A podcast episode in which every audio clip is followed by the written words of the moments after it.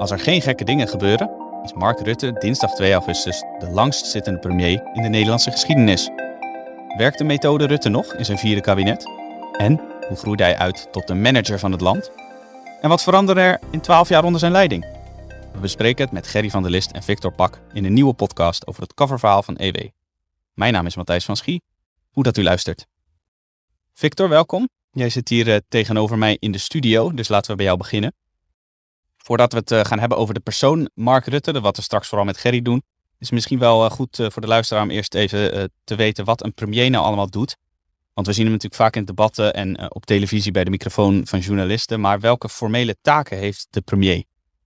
Ja, het is opmerkelijk dat een premier in Nederland eigenlijk er is verbazingwekkend weinig voor geregeld, formeel op papier.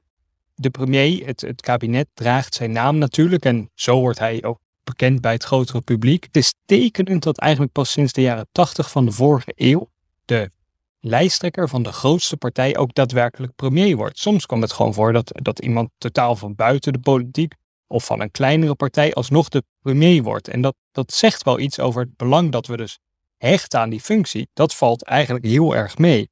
En als je dan kijkt naar de agenda van de premier, dan ziet dat er als volgt uit. Op maandag moet de, premier naar de koning, of gaat de premier naar de koning voor een inhoudelijk werkoverleg.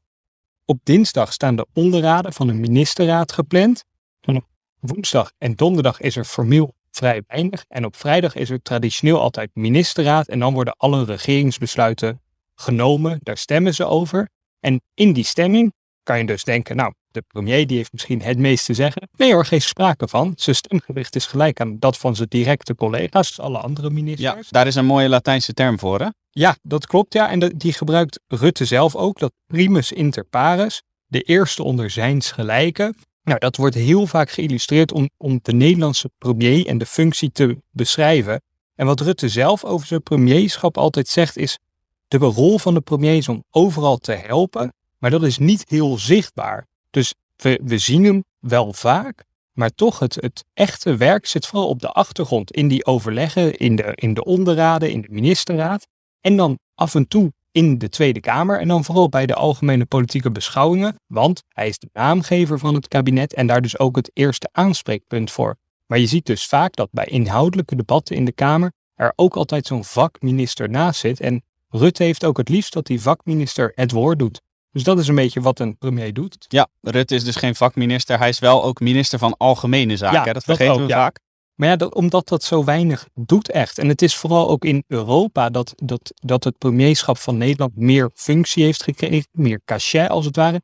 Want op, in Europees overleg, daar vertegenwoordigt Rutte ook echt Nederland als het ware. En dat is dus eigenlijk een soort machtsverzwaring die dankzij Europa het premierschap is binnengesloten. Ja, en als het aan Rutte ligt, eh, blijft hij dat voor Nederland doen en niet eh, namens de Europese Unie. Want eh, hij zei in een interview in het zomernummer van EW tegen Erik Vrijsen dat hij in ieder geval niet naar de Europese Unie of naar de NAVO gaat. Nee, Rutte is echt verknocht volgens mij aan het, aan het premierschap hier. Ja, absoluut. dat blijkt wel uit het feit dat hij de langzittende premier is uit de geschiedenis. dinsdag 2 augustus, als er geen hele gekke dingen gebeuren. Nou, dan uh, Victor, we komen aan het eind nog even bij jou terug om het uh, te hebben over hoe uh, Rutte en zijn vierde kabinet alweer er nu voor staan. Maar eerst gaan we naar Gerry van der List, die tussen het schrijven van al zijn artikelen voor EW inbelt vanuit huis. Gerry, ook hartelijk welkom. Dankjewel. In de nieuwe EW neem jij de lezer mee in een uitgebreid essay in de politieke opkomst en carrière van Rutte als VVD-leider en premier. Laten we maar gewoon bij het begin beginnen. Uh, in 2006 nam Rutte het in een uh, leiderschapsverkiezing op tegen Rita Verdonk. En uh, laatstgenoemde genoot steun van prominente partijkopstukken zoals Hans Wiegel en Frits Bolkestein. Maar toch wist Rutte nipt te winnen. Hoe verliepen zijn eerste jaren als leider van de VVD? Het ging erg moeizaam. Hij opereerde natuurlijk ook onder lastige omstandigheden. Hij had te maken met een ernstig verdeelde partij. En met eh, Rita Verdonk, de nummer twee, eh, die aan zijn stoelpoot eh, bleef zagen. Maar ook toen hij die onder de Verdonk de fractie uit had gezet, had hij moeite om zijn vorm te vinden. Hij deed allerlei rare dingen die hij later verstandig genoeg zou nalaten. Hij gaf interviews over zijn privéleven, over zijn verlangen naar intimiteit en over het feit dat hij Daphne Dekkers begeerde. Hm. Hij publiceerde misschien uit bewondering voor Frits Bolkestein allerlei semi-intellectuele artikelen waaraan de VVD'ers natuurlijk geen enkele boodschap hebben. En hij probeerde zich toen ook nog te profileren als echt liberaal. En nam het bijvoorbeeld op voor de vrijheid van meningsuiting. En legde toen uit dat ook daar onder de mogelijkheid zou moeten vallen om de holocaust te ontkennen. En dat viel buitengewoon slecht in de VVD. En het uh, hoofdbestuur verhaalde nog zenuwachtig of die radicale jobelingen opzij moest worden gezet. En alleen met de steun van uh, de nieuwe partijvoorzitter uh, Yves Opstelt heeft hij toen gered. Anders was zijn carrière al vroeg in de knop gebroken. Ja, ja je, je noemt een aantal uitspraken of acties van Rutte die je hem nu echt nooit meer zou zien doen. Zoals inderdaad uitspraken over zijn liefdesleven, waarover die daarna in alle toonaarden heeft gezwegen. Jij zegt al, dankzij Ivo Opstelten kwam het toch nog goed met Rutte. Want in 2010 uh, wist hij voor het eerst in de geschiedenis van de partij, de VVD, de grootste van Nederland te maken. hoe is hem dat gelukt? Ja, Opstelten schoot Rutte te hulp. Opstelten was de voormalige burgemeester van Rotterdam. En die was maar een raar idee dat een partij als de VVD aan ideeënvorming moest doen. Dus die maakte van de VVD een geoliede campagnepartij. En dan gaf de, de lijsttrekker de opdracht om te, te hameren op de, de vertrouwde rechtsaanbeelden. Wat, waar Rutte eigenlijk weinig affiniteit mee had, was ook een beetje vreemd eten in de, in de bijt. En hij schreef zich heel goed in de rol. En toen in 2010 had hij het geluk dat de gedoodverde premier Job Cohen, ik kwam uit Amsterdam, maar bleek toen in debatten een nerveuze hakkelaar. En daar kon Rutte het makkelijk in debatten van winnen. En toen mocht hij zich de eerste liberale premier sinds Kort van der Linden noemen. Een bijzondere prestatie was natuurlijk. Ja, um, en toen uh, zijn eerste kabinet, het kabinet Rutte 1, dat was geen lang leven beschoren. Het is uh, mislukt. Maar in jouw essay schrijf je toch dat uh, hij in het torentje in die periode wel kwaliteiten toonde die hem een blijvertje maakten als premier. wat voor kwaliteiten moeten we dan aan denken?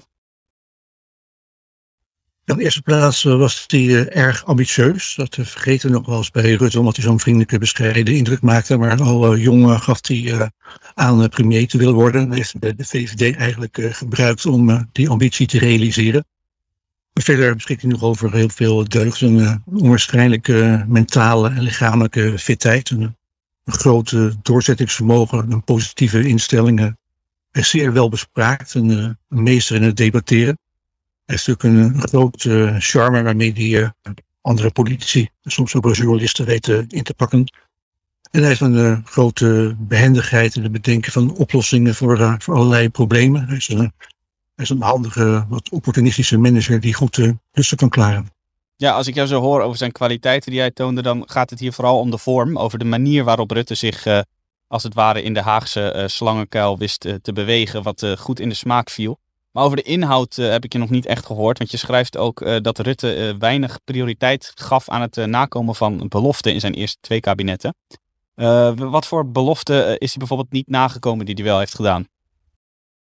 Ja, die lijst wordt dan uh, vrij langer. Je kunt bijvoorbeeld denken aan 2012, toen in de verkiezingscampagne beloofde dat er iets zou worden gemorreld aan de hypotheekrenteaftrek. Dat de hardwerkende burger 1000 euro zou terugkrijgen. En dat er geen geld meer zou gaan naar de betere Grieken. Er kwam allemaal helemaal niks van terecht. tot grote ergernis van de van Albert Zijlstra, toen fractievoorzitter, die toch een beetje probeerde het rechts-imago van de, de, VVD in stand te houden. Een uh, meer recente belofte is natuurlijk in 2021, uh, eh, vorig jaar. Toen was hij Rutte een beetje in paniek, omdat zelfs zijn coalitiegenoten zich van hem afkeerden. Dat zijn onhandige manoeuvres in de omzichtaffaire. En toen beloofde hij een, nieuwe bestuurscultuur. Er is natuurlijk echt helemaal niks van terecht waar je nu gewoon nog uh, schaterlachend in het torentje zit. Ja, inderdaad, nieuwe bestuurscultuur uh, nergens te bekennen. En uh, toch is het opvallend dat ondanks al die gebroken beloften, dat Rutte toch elke keer weer als winnaar uit de bus kwam bij de verkiezingen. terwijl het juist voor zijn regeringspartners vaak slecht uitpakte, electoraal gezien. Rutte bleef dus met zijn VVD stevast de grootste. maar dan even een kleine vraag over de toekomst. Denk je dat de VVD ook potentiële opvolgers van Rutte in huis heeft die dat kunstje eventueel zouden kunnen herhalen? Nou, ik ben journalist, geen uh, waarzegger. Maar in de verste verte zijn er nu echt geen geschikte uh, opvolgers uh, aan te wijzen. De, de kroonprinsen, kroonprinsessen van Weleer, die zijn allemaal niet vrijwillig uit Haag vertrokken. Ede Schippers, Halbe Zijlstra, Kleis Of En nu uh, komt ook omdat Rutte heeft de gewoonte om zich te omringen met, met ja-knikkers, met mensen van wie hij een grote loyaliteit verwacht. Als ik VVD VVD was dat me ook een beetje zorgen maken om die uh, nabije toekomst. Dat is eigenlijk een paradoxale situatie. Aan de ene kant kan de VVD blij zijn dat de partij de grootste van het land is, maar anderzijds heeft die partij eigenlijk weinig uh, bewerkstelligd qua liberale wensen. En het aantal leden is teruggelopen. het interne debat is helemaal verstomd. De ministers maken niet zo'n sterke indruk. Dus het is toch een beetje een zorgelijke situatie die de Rutte en de VVD heeft gecreëerd. Ja, geen uh, vrolijk stemmend uh, toekomstbeeld voor de VVD'er.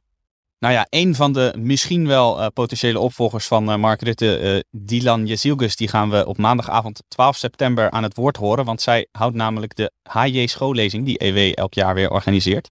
Dus maandagavond 12 september, als u daarbij wilt zijn, dan moet u op onze website zijn. En dan kunt u eventueel kaarten bemachtigen voor deze altijd veel besproken toespraak.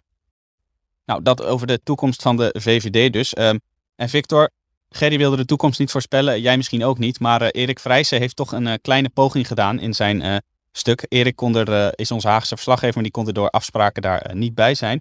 dus vandaar dat jij als coördinator van dit hele verhaal eventjes een tipje van de sluier mag oplichten over wat Erik heeft geschreven.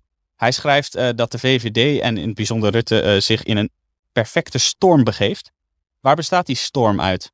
Nou, Gerry beschreef net al eigenlijk de deplorabele staat van de VVD als het ware, waar leden weglopen, het interne debat is verstomd. Ja, en als je dan verder kijkt naar de stand van het land in 2022, dan is het ja, geen heel vrij plaatje. De inflatie is torenhoog, er zijn grote energieproblemen, de, de energiecrisis die Europa teistert, de huizenmarkt die overspannen is, stikstof natuurlijk, en daar is Rutte eigenlijk heel onzichtbaar in geweest. Dat heeft hij zoals ik aan het begin ook al beschreef, echt overgelaten aan die vakministers. Maar daar kwam natuurlijk terecht heel veel kritiek op. Want als er zoveel reuring in het land is, ja, dan kan je niet als premier in het torentje blijven zitten. En de afgelopen weken zien we dus ook dat Rutte opeens her en der opduikt op enkele boerderijen en in gesprek gaat met terecht verontruste boeren. Dus je ziet dat, dat Rutte doorheeft dat er echt iets speelt in het land en dat het om heel veel dingen gaat. En ja, dat zou natuurlijk echt is een, een perfecte storm, zoals Erik omschrijft in zijn verhaal, kunnen worden die dit kabinet, ja, kabinet Rutte 4, het is al geen lang leven uh, voorspeld, ja, nog wel sneller ten einde kan brengen dan we misschien doorhebben. En het is ja, toch uiteindelijk aan Rutte om de boel bij elkaar te houden, zoals hij zelf ook wel eens heeft gezegd natuurlijk. Nederland als teer kwetsbaar vaasje. Ja, hm. in een perfecte storm blijft dat niet lang heel. Ja, nou, dat uh, hebben we weer beeldspraak genoeg uh, gehad. Eh, over beeldspraak gesproken. We gaan de komende maanden zien of Rutte zich als eh, VVD-kapitein. Uh, of die voldoende politieke stuurmanskunsten heeft om uit deze perfecte storm te komen. Hij heeft in ieder geval het record van de langzittende premier te pakken. Dus daar hoeft hij zich niet meer druk over te maken. Gerry, Victor, we zijn aan het einde gekomen van deze podcast. Ik wil jullie allebei hartelijk danken voor jullie tijd en heldere uitleg. Graag gedaan. En bent u nou nieuwsgierig geworden naar het complete coververhaal? Haal dan de nieuwe EW in huis. Vanaf donderdag 28 juli ligt hij in de winkel. Maar eerder kunt u het verhaal al lezen via onze website, via de link in de beschrijving van deze podcast. Daar eh, staat het artikel in zijn geheel. En daarin uh, leest u ook eh, 12 bijzondere feiten over 12 jaar Rutte. Um, hoe Nederland onder Rutte's leiding veranderde aan de hand van cijfers. En uiteraard het volledige essay van Gerry van der List, waar hij hier al wat over heeft verteld. Over hoe Rutte uitgroeide tot de manager van Nederland heeft u nou interesse in een abonnement op EW? Ga dan naar ewmagazine.nl slash abonneer. Vergeet ons ook niet te volgen op Facebook, Twitter en Instagram via @ewmagazinenl. Dit was het voor nu. Hartelijk dank voor het luisteren en graag tot de volgende keer.